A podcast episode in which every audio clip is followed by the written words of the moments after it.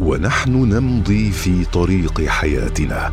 نمر على نقاط مهمة قد نغفل عن أهميتها أو تكون خارج نطاق رؤيتنا. نقط عمياء مع إبراهيم العجمي.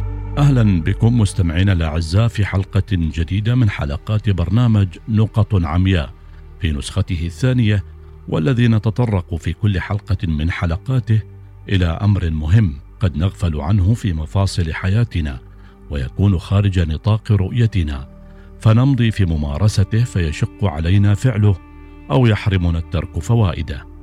في هذه الحلقة مستمعينا الأعزاء لا يؤمن بعضنا بوجود المرض النفسي وقد يتشددون في أن الأمراض النفسية هي مجرد حالات توهم أو أنها تختص فقط بالأمراض العقلية حتى أنه لو صادف أن قام أحدهم بعمل غير طبيعي وصفوه بأنه ناقص عقليا. أو أنه يعاني من خلل في عقله. غافلين عن أن هناك اضطرابات قد تؤثر على مزاج الإنسان وتفكيره وبالتالي على سلوكه كمرض الاكتئاب واضطرابات القلق والفصام واضطراب الشهية والسلوكيات التي تسبب الإدمان. كل ذلك وغيره الكثير أمراض يمكنها أن تجعلك بائسا ويائسا ويمكن أن تتسبب في مشكلات في حياتك اليومية في المدرسة أو العمل أو في علاقاتك بالأشخاص الآخرين. والأمراض النفسية في معظم حالاتها يمكن التعامل معها من خلال مجموعة من الأدوية كما يحدث ذلك مع الأمراض العضوية من قبل أمراض القلب والسكري. وتتلخص علامات المرض النفسي وأعراضه في أكثر من عشرة أعراض وهي الشعور بالحزن أو الكآبة والتفكير المشوش وضعف القدرة على التركيز والمخاوف الشديدة أو القلق أو الإفراط في الشعور بالذنب. وتغييرات سريعة وحادة في الحالة المزاجية والابتعاد عن الأصدقاء والأنشطة المعتادة والتعب الشديد وانخفاض الطاقة أو المعاناة من مشاكل في النوم وكثرة الأوهام. وعدم القدرة على مواجهة المشاكل اليومية. وصعوبة في الاستيعاب ومشكلات في فهم المواقف والأشخاص والتعامل معهم. وتغيرات كبيرة في عادات الأكل وتغيرات في الدوافع الجنسية والغضب الشديد. وصولا لا سمح الله إلى التفكير في الانتحار. وفي مثل هذه الحالات يطلب من الشخص مراجعة الطبيب العام بداية كي يتأكد من أن الأعراض التي تظهر على المراجع ليس لها مستند عضوي. عندها يجب على الطبيب العام تحويله إلى الأخصائي أو الطبيب النفسي.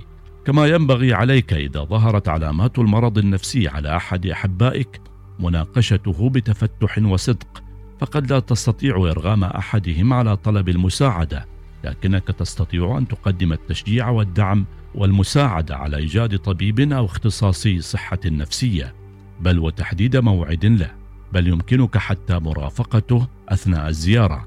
وإذا أقدم هذا الشخص لا سمح الله على ايذاء نفسه أو كان يفكر جديا في ذلك فاصطحبه مباشرة إلى المستشفى أو اطلب المساعدة الطارئة في حال أنك لا تستطيع مساعدته لوحدك.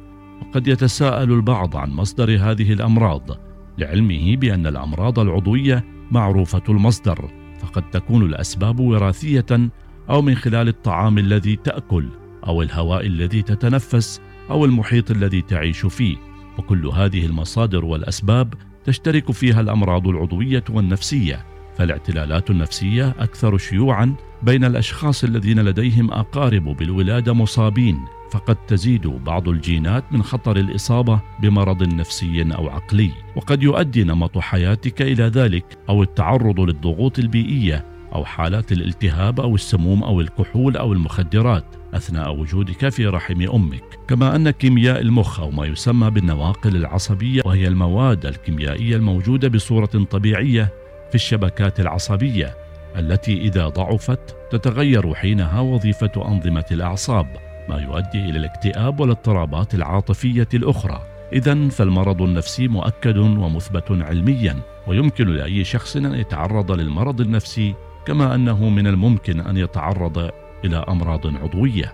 في هذه الحلقة مستمعينا الأعزاء وجهنا الضوء على نقطة من النقاط التي يغفل عنها البعض أو تكون خارج مجال رؤيتهم وهي أنهم لا يعتقدون بوجود المرض النفسي غافلين عن أن الطب الحديث أثبت هذا النوع من الأمراض والتي قد تكون نتائجها كارثية وخطيرة إذا لم يكن هناك تدخل طبي. على أملنا نلتقي مع نقطة أخرى من نقط عمياء. إلى اللقاء. نقط عمياء مع إبراهيم العجمي.